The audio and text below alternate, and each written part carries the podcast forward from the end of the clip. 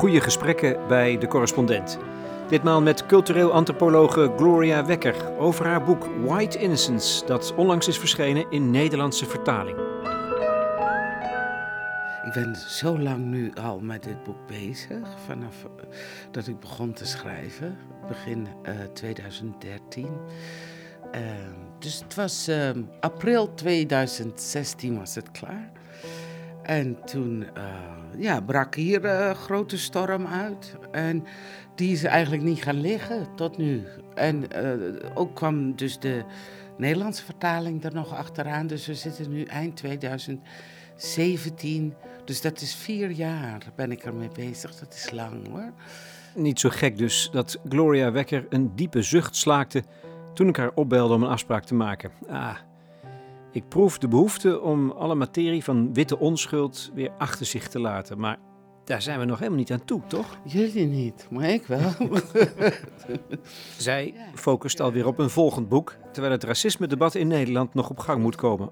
Alhoewel dat inmiddels toch op hoge, steeds fellere toon gevoerd wordt. Er zijn ook mensen die heel erg het gevoel hebben van eindelijk hebben we een taal om te spreken over ras in Nederland, wat we tot nu toe eigenlijk niet gehad hebben. We zijn een beetje over de, om de hete brei heen aan het draaien geweest en hebben de neiging het heel erg te bagatelliseren. Hoe is het voor haar, die onlangs nog geëerd werd met de Joke Smitprijs, om nu alweer een paar jaar lang in het brandpunt te staan van zo'n heftig maatschappelijk debat? Het, het heeft natuurlijk ook hele uh, aangename kanten in de zin dat mensen me aanspreken en uh, mensen die ik niet ken in het openbaar vervoer, op straat, uh, in de supermarkt, die me bedanken uh, voor het boek. Maar het heeft ook hele onaangename kanten om te zien wat er boven komt drijven allemaal. Hè? En, wat voor onpeilbare putten er nog steeds, steeds zitten in dat Nederlandse culturele archief. En met name ook nadat uh, ik de Joke Smitprijs heb gehad.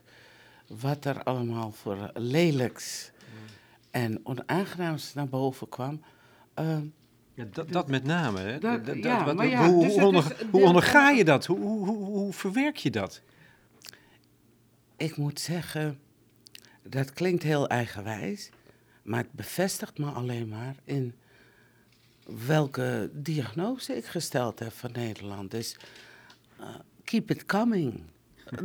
Echt waar. Ik doe daar niet uh, uh, stoer over. Maar het is wel zo, het bevestigt me in me gelijk. Dat wat er hier aan de hand is, is een diepe, diepe ontkenning ja. van de rol die ras speelt. En tegelijkertijd barst het uit zijn voegen, barst het uit alles los dat ras een fundamentele betekenaar is, betekenis geeft aan uh, wie wij zijn, uh, aan de waarden die we aan verschillende mensen toekennen, uh, aan wie er mag spreken over ras. kennelijk ben ik dat niet hè, in de ogen van veel mensen. Ook hoe kan zo iemand hoogleraar zijn? Hoe weet zij dat allemaal? Dus er is een meneer die in het parool schrijft, wiens naam ik niet zal noemen, want dat geeft hem te veel eer. Maar dat is van een dommigheid waar ik uh, een beetje van oog achterover sla. Dat iemand zoiets mag publiceren op grond van niks. Hè? Uh, dus ja, uh, kijk, dit is niet een one-off. Dat ik een keer een interessant, één interessant boek geschreven heb. Ik ben al mijn hele leven bezig met te schrijven en te denken over ras.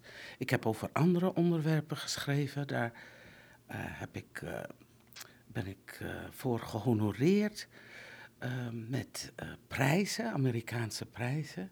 En dan zal men mij in Nederland komen vertellen dat ik er niks van kan. Dat ik nergens iets van begrijp. Dat ik nergens van heb. Dat ik Exemplarisch eigenlijk allemaal. That's, ja, yeah. that's what it is. Je zegt het eigenlijk al met zoveel woorden, uh, Gloria. Voor mij is het sleutelwoord verdringing. bijna in psychoanalytische zin. Volgens mij is dat de beschrijf je één groot verdringingscomplex. Ja. ja, het is een manier uiteindelijk waardoor mensen een heel sterk uh, zelfbeeld kunnen vasthouden van wij zijn niet racistisch. Racisme heeft zich overal elders op de wereld voorgedaan. Amerika, Zuid-Afrika, noem maar op.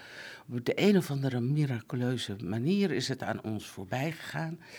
Uh, dus wij hechten heel erg aan het zelfbeeld van wij zijn onschuldig, wij weten van niks. En uh, als we het wel geweten hadden, hebben we het niet zo bedoeld. Dus op allerlei manieren wordt getracht het eigen straatje schoon te vegen. En daarvan zeg ik, basta. Waarom, is... waarom doen wij dat? Kijk, Freudiaans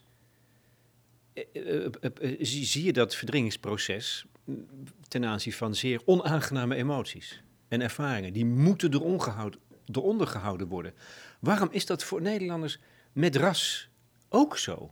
Ja, de, wij zijn heel erg gericht op gelijkheid, gelijkwaardigheid. Ehm, ik denk dat het ook met religie te maken heeft. Dat hoewel we uh, in overgrote mate niet meer uh, religieus zijn of alleen met kerstmis naar de kerk uh, gaan, dat dat wel ons zelfbeeld heel erg gevormd heeft. En dat het een onderdeel is uh, waar we niet mee kunnen dealen. Dus door vol te houden. Wij maken geen onderscheid. Wij zijn kleurenblind. Kleur, uh, ras doet er niet toe in Nederland. Geef je jezelf een prettig gevoel. En dus alles wat erop duidt dat dat misschien niet zo is, daar willen we heel erg hard op spugen en op vloeken en het wegschoppen. En iemand die die boodschap komt brengen, die moet weg. Die moet haar bek houden. Uh, en dat, ik, ik vind dus ook, kijk, het is ook belangrijk om onder ogen te zien dat heel veel zwarte mensen die hier opgroeien en die uh, hier geen onderwijs over krijgen, hè, want het is niet iets waar we over praten, uh, met elkaar over discussiëren. Tot voor kort was het dat niet. Um, um, dan heb je ook deel aan dat culturele archief. Hè? Je, ben, je wordt daarin opgevoed.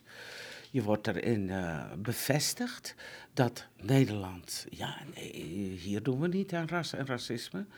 Dus zwarte mensen hebben er ook deel aan, tenzij ze zich daarvan losgemaakt hebben. Maar het gaat vooral over witte mensen die hiermee aan de slag zullen moeten gaan. Het betekent ook dat de dingen die jij bereikt hebt als wit persoon, dat daar uh, misschien wat wel, um, je dat niet allemaal aan jezelf en je individuele kwaliteiten uh, te danken hebt, maar dat je het ook te danken hebt aan een systeem dat jou structureel bevoordeelt en jou structureel in het zonnetje zet en jou vertelt hoe geweldig je bent. Hè? En dat systeem afbreken, um, dat neemt je natuurlijk allerlei voorrechten af. Het maakt het je moeilijker om uh, datgene te bereiken wat je bereiken wilt. Maar het zou wel voor een, een gelijker speelveld zorgen. Dus die, het heeft mij ook vaak verbaasd. En terwijl ik het boek zat te schrijven, zat ik hier ook niet te juichen hoor. Om hierover na te denken: van wat is hier nu aan de hand? En ieder jaar opnieuw die razernij die zich over mensen meester maakt. Als, uh, met eh, de komst van Zwarte Piet. Uh, dat is ook geen feest om dat mee te maken. Ieder jaar lijkt het erger te worden. Hè? De manier waarop mensen zich ertegen verzetten. Die pure razernij. Werkelijk, als het werkelijk om een onschuldig kinderfeest gaat, hè, waar komt die woede dan vandaan? Dus je kan je iets erbij voorstellen. Er wordt mijn kinderen iets afgepakt. Er wordt mij met terugwerkende kracht iets afgepakt. Namelijk mijn onschuld en het plezier wat ik eraan beleefd heb. Maar het is on top of that is het nog iets anders. En dat is je zelfbeeld wordt ter discussie gesteld. En uh, ja, dat is niet fijn. Of in ieder geval wordt dat van je gevraagd Ja. om het ter discussie te stellen. Nog steeds Freudiaans. Om dat zelfbeeld te corrigeren, moest je soms jaren op de sofa liggen. Ja, gaan we dat dus ook als natie moeten doen? Jarenlang hè, dit gevecht, dit moeizame gevecht moeten leveren. Met al die, die stront die erbij hoort. Om Ja. het maar eens eventjes heel plat te zeggen. Ja, I'm afraid so. Ja. Ik kan Dank het je. niet mooier maken. het zal echt vele jaren vergen. En op verschillende manieren moeten mensen het gaan doen. Hè? Eh, dus laat ik gelijk eh, erbij aantekenen. Dus dit is me opgevallen. Ik kom, eh, word uitgenodigd in een radioshow, heb ik drie minuten de tijd. Mag ik het probleem benoemen? Wat is het probleem met racisme in Nederland? En hoe gaan we het oplossen? In drie minuten dus. Hè? Dus dat weiger ik te doen, dat is belachelijk om dat in drie minuten te willen. Bovendien is het ook zo, we kunnen niet naar oplossingen gaan voor we dat probleem dieper de grond hebben. En ik heb daartoe een aanzet gegeven, maar op allerlei verschillende terreinen is er nog werk te over. Want het probleem met dit boek was niet, oh my god, ik heb zo weinig materiaal, maar eerder, eh, waar zal ik het nou eens wel en waar zal ik het niet over hebben? Hè? Welke domeinen ga ik beschrijven? Eh, dus er is nog hartstikke veel werk te doen. Ehm, en dan vind ik dat, dat het niet aangaat dat ik degene ben die moet zeggen: zo en zo gaan we het aanpakken. Ik ben een van degenen die het aangezwengeld heeft. Ik wil meedenken, maar ik ga zeker niet de verantwoordelijkheid of de regie in deze nemen. Er zijn heel veel domeinen waarin er werk aan de winkel is en waarop we eh, mm, terreinen als geheel, zolang er geen gelijkheid is, gelijkwaardigheid in de Nederlandse samenleving, zullen we met het proces door moeten gaan.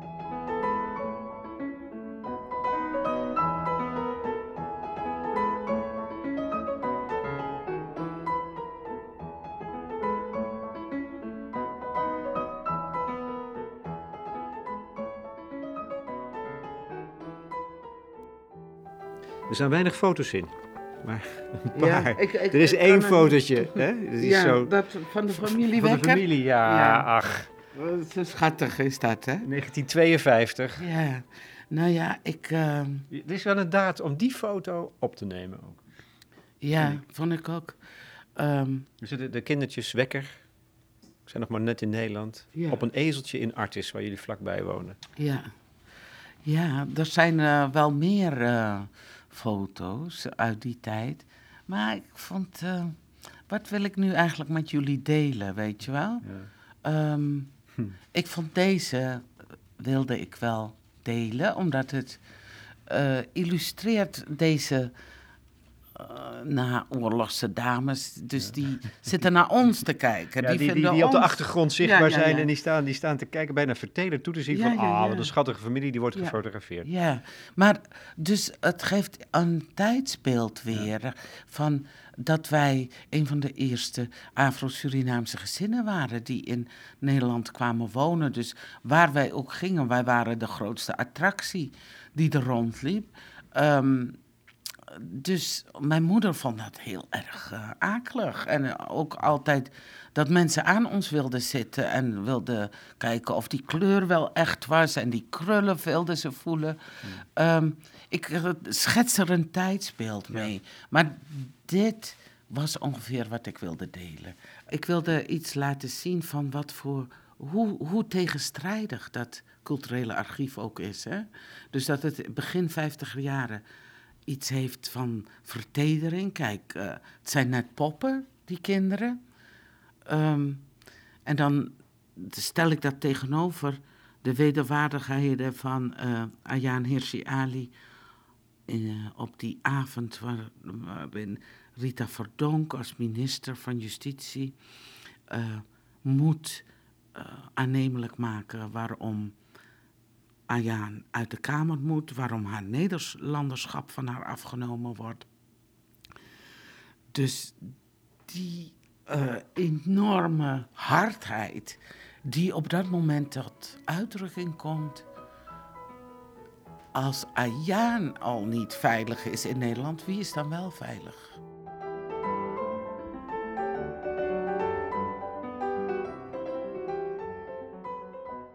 Ik voel me zo een soort uh, seismograaf van de veranderingen in Nederland. Dus de, ja, dat ik hier groot geworden ben. Um, en um, ja, mezelf dus als instrument gebruik om naar die samenleving te kijken. Ook één extra hoofdstuk hè, ten opzichte van de Engelse vertaling over de receptie van het Engelse boek, White Innocence. Wat me nog het meest misschien wel trof was dat je, um, dat, dat je zo op je wetenschappelijke methode bent aangesproken. Ja. Dat was voor jou de grootste verrassing ook eigenlijk. Ja, ja. De epistemologie, de epistemologie. zoals je die beoefent. Ja, ja. Um, weet je wat, dus dat, dat vond ik een verrassend element. Dus dat, en ik werd daar ontzettend in bevestigd. Ik kreeg een uh, e-mailtje van de directeur van het Ratenau Instituut, die uh, mij schreef van, wat ontzettend goed, dat je jouw methode en epistemologie uh, verantwoordt en dat je dit gebruikt zodat een keer duidelijk wordt dat er andere methoden in omloop zijn dan alleen die positivistische methode. Het meten. Dit is, meten want dit is, dit is analyseren eigenlijk van gedrag en uitingen. Ik ben een antropoloog. Waarom vinden we het goed dat antropologen naar Verwegistan gaan en daar met hun interpretatieve methode een een lezing geven van een samenleving. Dat doe ik nu hier. Ik heb mijn blik gewend naar hier. Dus dat speelt er ook doorheen. Hè? Van hoezo denk jij dat je onze maatschappij kunt beschrijven? Um, dus het is een hele humanistische, um, kwalitatieve manier van kijken, waarbij ik verschillende methodologieën gebruik, maar die in de ogen van heel veel traditionele wetenschappers, maar ook van traditionele eh, journalisten die nooit uh, hier echt uh, het onderste uit de kan te weten ge gekomen zijn, um, geen recht van spreken heeft. Um, maar ja, dit is wat antropologen doen.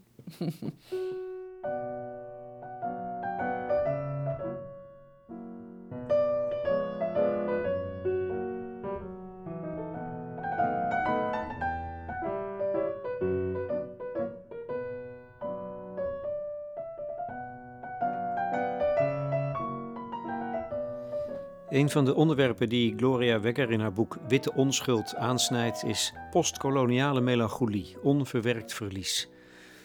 Gevoel van verlies van de kolonie in de Oost, Nederlands-Indië, de gordel van Smaragd. Zo anders dan het gevoel van verlies van de kolonie in de West, Suriname. Ze kijkt ernaar in samenhang, in één analytisch veld. Het is eerlijk gezegd niet iets wat ik meteen herken, en ik ben vast niet de enige, maar toch, zo begrijp ik uit haar boek, is het wel degelijk iets wat mij raakt en affecteert. Hoe werkt het dan precies? Nou, om dat duidelijk te maken hanteert ze het begrip cultureel archief. Ze ontleent dat aan Edward Said, die het beschouwde als een bewaarplaats, een reservoir van kennis en gevoelens, overgeleverd, niet onderkend, met een raciale grammatica, diep gewortelde patronen. Misschien een beetje ongrijpbaar, maar niet als je denkt aan de verzameling van verhalen van de 1 miljoen Nederlanders die op een of andere manier met de koloniën verbonden zijn. Er is heel erg de neiging om te zeggen van... Ja, maar mijn ouders, dat waren arme keuterboeren in Drenthe in de vorige eeuw. Eh, ik heb het toch ook niet goed gehad of zo, hè? Ik heb het even slecht gehad als die inlanders daar of, of uh, de mensen... Dus het gaat niet over mij, is dan de reactie?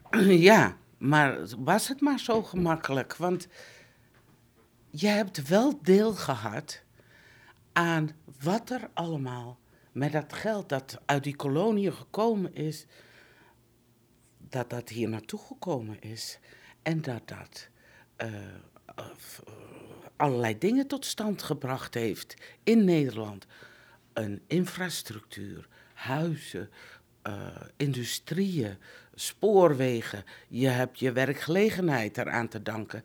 Maar wat je er met name aan te danken hebt. En misschien vind je dat ongrijpbaar, maar dat vind ik tamelijk. eh, maar ja, iets materieels hebben. Een goed gevoel over jezelf. Namelijk, ik, whatever, ik mag nog van zo ehm, eh, eenvoudige afkomst zijn. Met keuterboeren in mijn eh, geschiedenis. Je hebt wel een goed gevoel over jezelf meegekregen. Jij kan worden wat je wil worden. Eh, je hebt allerlei cultureel kapitaal tot je beschikking, wat jou afzet tot anderen van kleur die dat niet hebben. Dus ik vind dat tamelijk tastbaar, wat dat is. Dus naast hele materiële dingen zijn het immateriële dingen. Nou ja, dat is dat, eh, je noemt het reservoir, niet onderkend reservoir van kennis en gevoelens. Dus het sluipt in eigenlijk je wereldbeeld. Het is een grammatica, dat vind ik wel een mooi woord, voor hoe je wereldbeeld in elkaar steekt. Ja, Uiteindelijk, dat heeft het Ja. allemaal mede gevormd. Hè? De, de, de, het hebben van koloniën, bedrijven van slavernij. ja dus het hebben van koloniën, überhaupt al, hè, dat moet je je toch voorstellen wat het betekent om inwoner te zijn van een land wat zich er trots op voelt. We hebben allerlei bezittingen in de rest van de wereld. Dat hebben anderen niet. Wij stellen echt iets voor in de wereld. En bovendien wordt je dan duidelijk gemaakt. Daartoe ben je geroepen. Door, eh, de, door God. En eh, dat is de voorzienigheid die je gemaakt heeft. Dat jullie Nederlanders daar geschikt voor zijn om anderen leiding te geven. Dat zet je toch op een pedestal, op een, een uh, verhogingje al. Ten opzichte van de mensen die jij leiding uh, moet geven. Of jij dat zelf bent, of je familie, of je buurjongen is dat geweest. Maar je hebt in ieder geval de juiste kenmerken in huis om dat ook te kunnen doen. Ook al heb je het in feite niet gedaan. Het geeft je dus allerlei kapitaal mee. Uh, wat louter behoort tot het onderdeel zijn van deze natie. En dat geldt ja, voor alle um, ex-imperiale naties. En dat het afscheid daarvan met verdriet gepaard gaat, dat kan ik me heel goed voorstellen. Maar zelfs dat is een tamelijk taboe onderwerp, hè? om over te spreken. Van wat is het dan dat je precies kwijtraakt? Waarover ben je verdrietig? Ik zou daar heel wat voor over hebben om mensen daarover aan het woord te laten. Dat is ook, uh, weet je wel, waar je nog veel nader onderzoek naar zou kunnen gaan doen. En ook, ja, hoe werkt dat dan door? Hoe werkt dat nog steeds door, bijvoorbeeld, uh, in onze huidige relaties met Indonesië? Uh, zien we daarvan onderdelen terug in hoe we met die Molukkers in 1977 om zijn gegaan? Hè? Zijn we daar nog bezig ons gram te halen over het verlies van Indonesië? I don't know, maar het zijn wel interessante vragen uh, die je kan stellen en die een natie zich moet stellen. Ik, ik denk wel eens, het buitenlandse beleid van Nederland, hè, daar durf ik toch ook echt mijn hand niet voor in het vuur te steken. Van wat daar allemaal overgebracht wordt. Uh, nog steeds bedoel je nu? Nog steeds nu. Waar wij ons goed over voelen, hè, dat willen we graag dat andere landen overnemen, landen uit het zuiden. Jullie moeten echt onze, ons genderregime overnemen, zo geweldig. En onze seksuele uh, mores, die zijn ook helemaal top. Uh, maar wanneer het gaat over ras, hebben we niks over te melden. Sterker nog, uh, internationale lichamen die vertellen ons dat wij niet deugen op het gebied uh, van ras. Maar dat willen we niet weten. Maar gewoon al deze verschillende pakketjes hè, waar ik het nu over heb, uh, die hebben te maken met wat we in ons culturele archief hebben en waar we niet naar willen kijken. Maar waardoor we dus steeds opnieuw dezelfde ellendige fouten maken.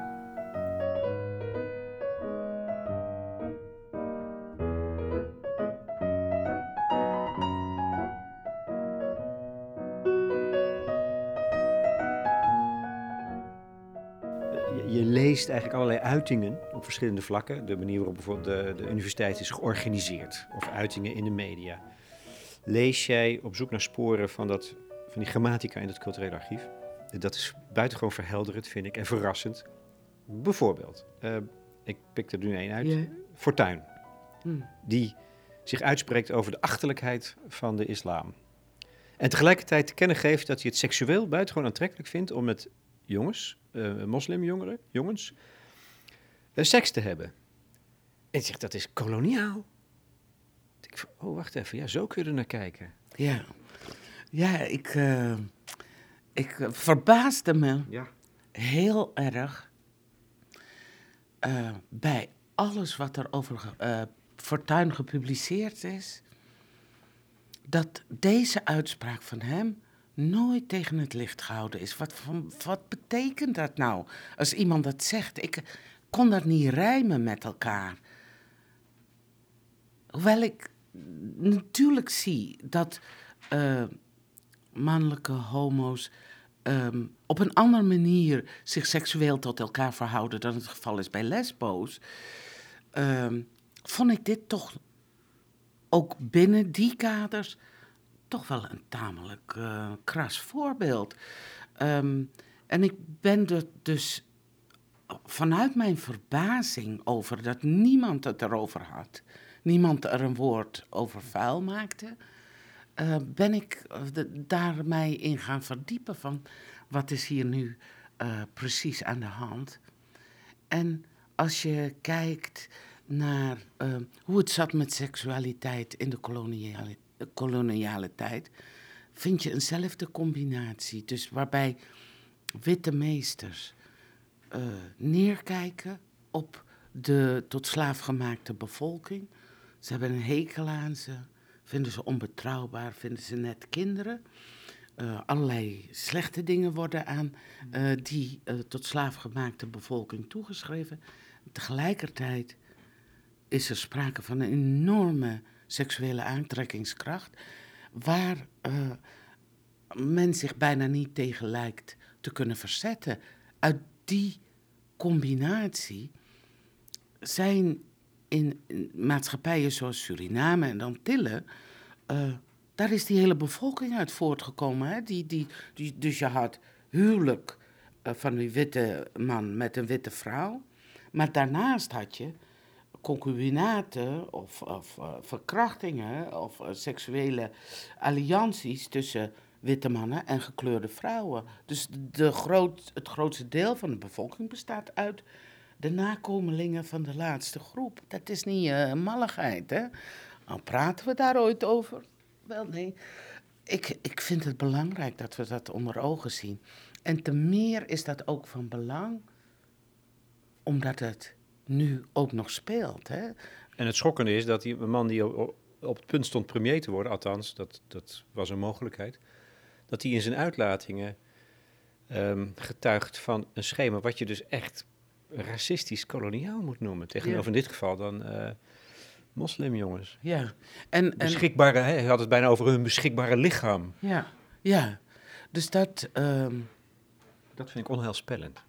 Het is... Um, onheilspellend. Wat nog onheilspellender is, is dat heel veel homo's zelf die spanning eigenlijk niet zien, die ik constateer.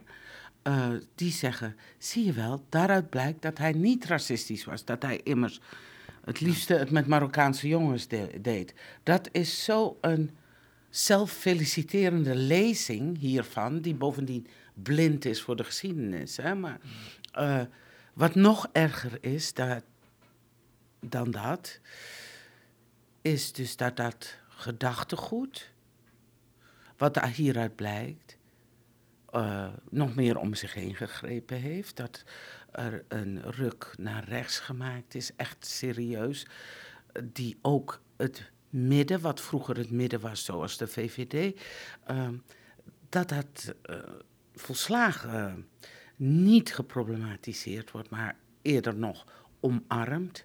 Dus dat dat racisme uh, veel onbeschaamder eigenlijk geworden is, nog uh, in de laatste decennia, vind ik. ehm, dan, dan voor die tijd eh, mogelijk was. Dus het is heel, heel onheilspellend en eng eigenlijk. Ja.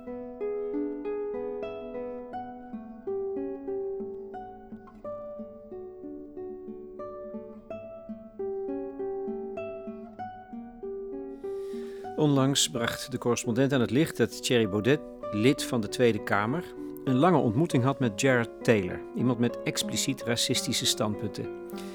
Wekker wijt in haar boek Witte Onschuld een hoofdstuk aan de periode rond 1917 over onderdrukte racistische aspecten in de vrouwelijke seksualiteit. We zijn een eeuw verder. Nog steeds onderkennen we niet wat er aan de hand is. Zou het zo kunnen zijn dat juist verdringing een voedingsbodem kan zijn voor nieuwe golven van racisme? Dan zouden we dus helemaal niks geleerd hebben van de Jodenvervolging, van waar een racistisch wereldbeeld uiteindelijk toe kan leiden.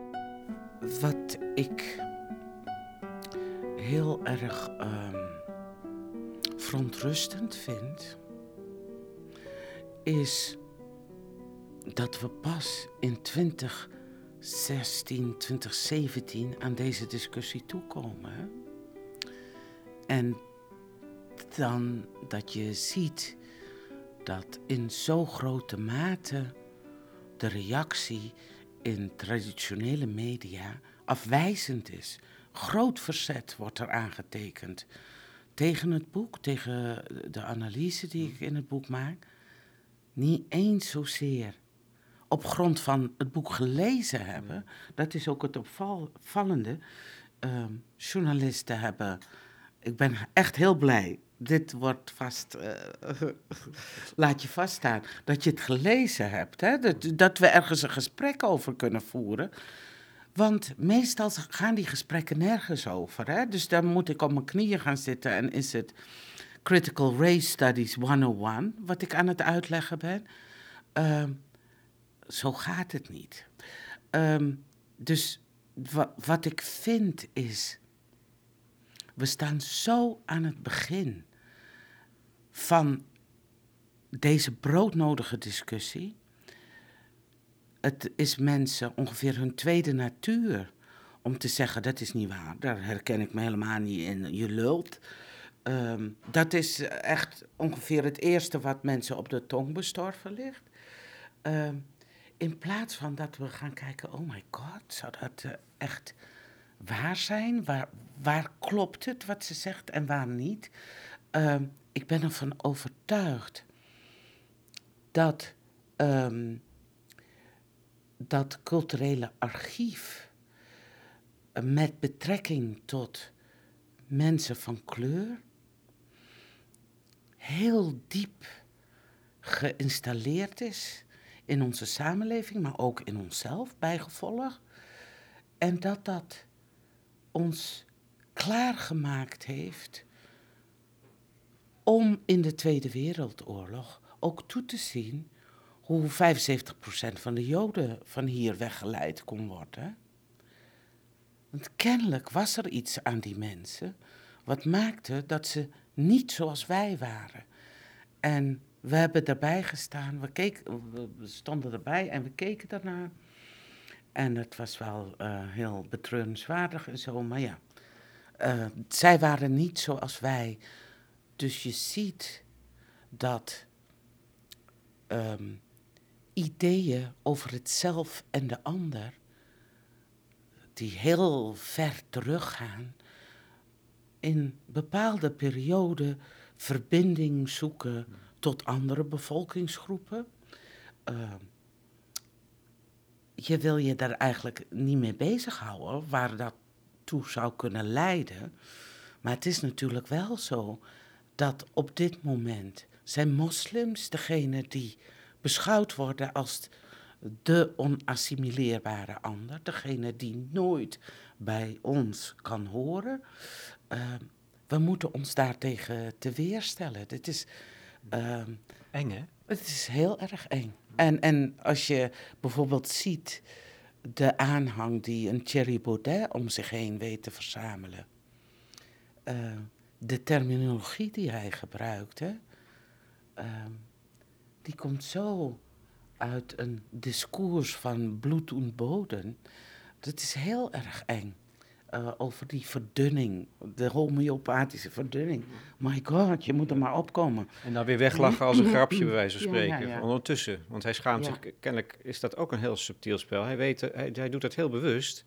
Het niet openlijk zeggen, dus kennelijk weet, snapt hij dat dat niet mag, maar het wel zeggen of laten blijken. Dat, Daar zit nog het meest verraderlijke in, vind ik. Ja, ja.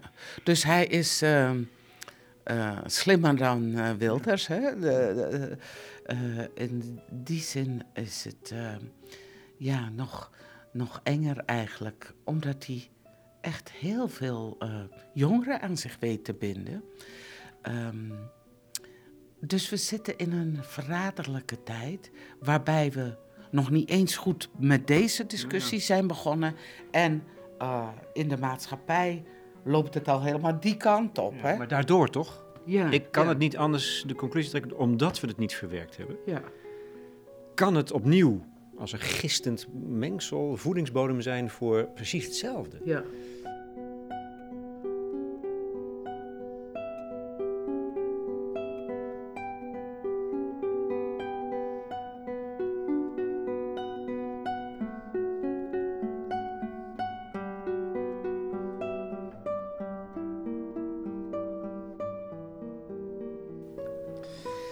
Weet dat jij geen activist bent, maar wetenschapper.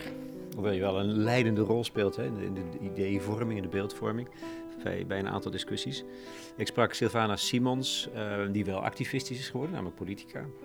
Uh, en de vraag is natuurlijk, moet je niet eigenlijk proberen alle verschillende verzetsbewegingen met elkaar te combineren? Wat ook het idee is van Naomi Klein in uh, Nee is niet genoeg. Jij spreekt, en, en toen en gebruikte Sylvana het woord intersectionaliteit. Mm eh, en eigenlijk komt dat woord van jou, rechtstreeks af van jou, volgens mij. Ehm, dus even nog uh, terug. Uh, ik, ik, ik beschouw mezelf wel als activist. Oh, ja, ja, ja. want ik vind activist geen scheldwoord. Nee, ik ook niet. Nee, ik denk dat we er meer nodig hebben. Ja, ja, ja, zeker. Want ik, ik vind wat betreft wetenschap... natuurlijk ben ik een wetenschapper. Um, maar ik doe het wel ergens voor. Ik wil dat er verandering komt. Uh, ik, ik wil de werkelijkheid begrijpen um, en interpreteren, maar ik wil ook dat die verandert. Dus in die zin beschouw ik me wel als uh, activist. Begrip intersectionaliteit um, heb ik inderdaad in Nederland geïntroduceerd. Samen met twee andere, twee uh, studenten op dat moment, Nancy Jouwe en Maaike Botman.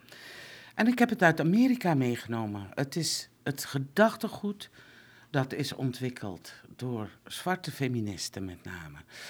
Uh, en in de eerste golf, of nou ja, eigenlijk uh, voor die tijd.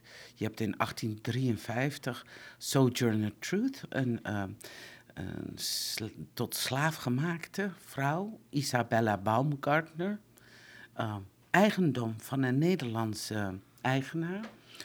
Uh, en zij houdt een speech op een um, conventie van, uh, vrouw, voor vrouwenkiesrecht, waarbij natuurlijk alleen witte vrouwen kiesrecht zouden krijgen. En zij houdt een speech en ze eindigt iedere ehm, passage met and ain't I a woman. Dus ben ik geen vrouw als zwarte. Zij wordt eigenlijk uitgesloten van dat kiesrecht, maar ook van het vrouw zijn. Um, dus wat intersectionaliteit inderdaad beoogt, is onder ogen zien dat al die verschillende assen van verschil waar wij in deze samenleving mee te maken hebben, of in welke samenleving dan ook, gender, ras, klasse, seksualiteit, religie, noem maar op, dat die gelijktijdig werkzaam zijn en elkaar bepalen, elkaar co-construeren. Dus ik heb geprobeerd om onze studie van gender complexer te maken dat het niet voldoende is om alleen naar gender te kijken. Wat is er aan de hand qua verschil tussen mannen en vrouwen? Maar dat je ook steeds moet vragen: en wat is er hier aan de hand met ras? En wat gebeurt er met klasse? En wat met seksualiteit? Hoe zit dat dan eh, binnen een activistische beweging, zoals bijeen er een is. Ehm, dat is het mooie van bijeen, dat je daar inderdaad mensen bij elkaar ziet komen die dit ideaal belichamen. Het zijn jonge en oude mensen, het zijn eh, mensen van alle etnische, raciale posities, alle seksualiteiten, ehm, alle genders zie je daar bij elkaar, verschillende religies. En dan ga je bij elkaar zitten en je gaat met elkaar uitmaken wat de belangrijkste strijdpunten zijn. En iedereen komt natuurlijk met zijn eigen pakketje, wat het belangrijkste is. Maar waar het over gaat, is dat we moeten proberen met elkaar tot een alliantie te komen waarin ik mijn belangen vertegenwoordigd zie. En misschien om die samenwerking en alliantie tot stand te brengen, zal ik af en toe een stapje achteruit moeten doen. Wanneer jouw belangen, wanneer eh, het mes op jouw keel staat, dat ik met jou mee kom doen. Maar op deze manier leer je elkaars posities kennen en je leert ook keuzes maken van op dit moment gaat jouw strijd voor hm. of uh, we gaan nou dit bij elkaar brengen. Dus het is een heel dynamisch en zich steeds ontwikkelend palet wat je voor je ziet, waarin juist wel al die dingen bij elkaar moeten komen. Het moet. Hm. Het moet. Het is ook het enige wat waar je, waar je, gaat waar je, helpen. Ja. Eh, ook omdat je zo de grootste groep mensen bij elkaar krijgt. Maar ja, dat, moet betekent, dat betekent ook dat strijdbare mensen ook af en toe over hun eigen schaduw heen moeten kunnen springen. Zeker, zeker, dat is niet, meestal niet het makkelijkste als je ergens een, een felle strijder voor bent. Absoluut.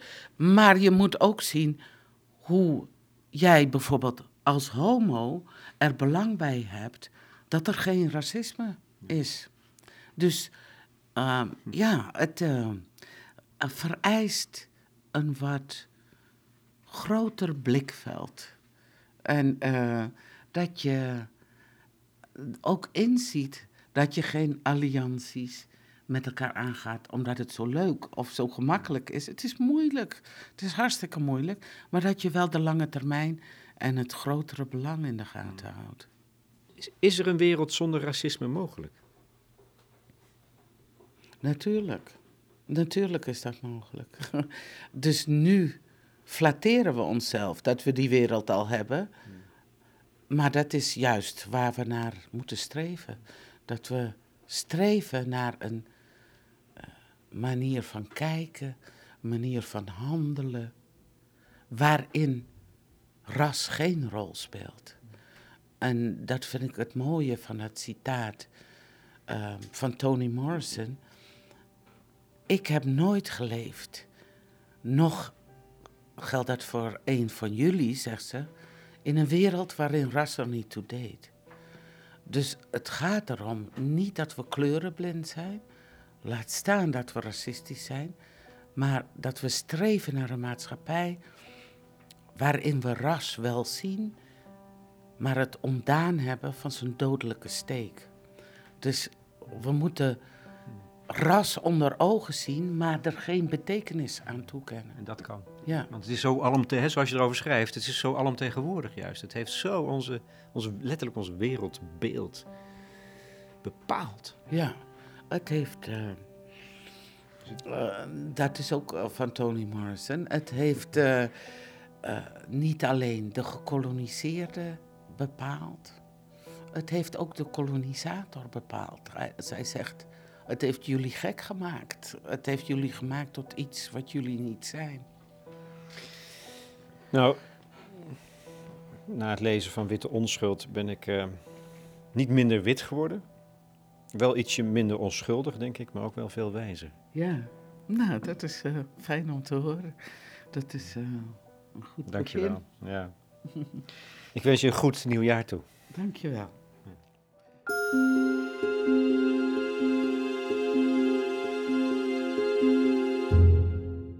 Gloria Wekker in gesprek met Lex Bolmeijer voor de correspondent over haar boek Witte Onschuld. Dat is uitgebracht door Amsterdam University Press. Ik heb zo het vermoeden dat jullie willen reageren.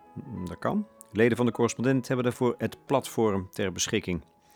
Anders moet u zijn bij iTunes. En wil je meer podcasts? Abonneer je dan op mijn nieuwsbrief. Dan krijg je stevast een seintje als er weer een nieuwe aflevering is van mijn serie Goede Gesprekken. En er zijn nog veel meer podcasts te beluisteren bij de correspondent. Jesse Frederik is terug. En hoe? Zijn De Nijl-lezing is te horen. Er is een nieuwe aflevering van de Rudy en Freddy Show. Rutger Bregman heeft een gaaf kerstverhaal geschreven. En Romane Rodriguez en Heiba Targi Bakali hebben samen een documentaire gemaakt over dementie. Van binnenuit. Genoeg te doen, kan ook allemaal rustig in het nieuwe jaar. Als correspondent goede gesprekken zeg ik dan maar alle goeds.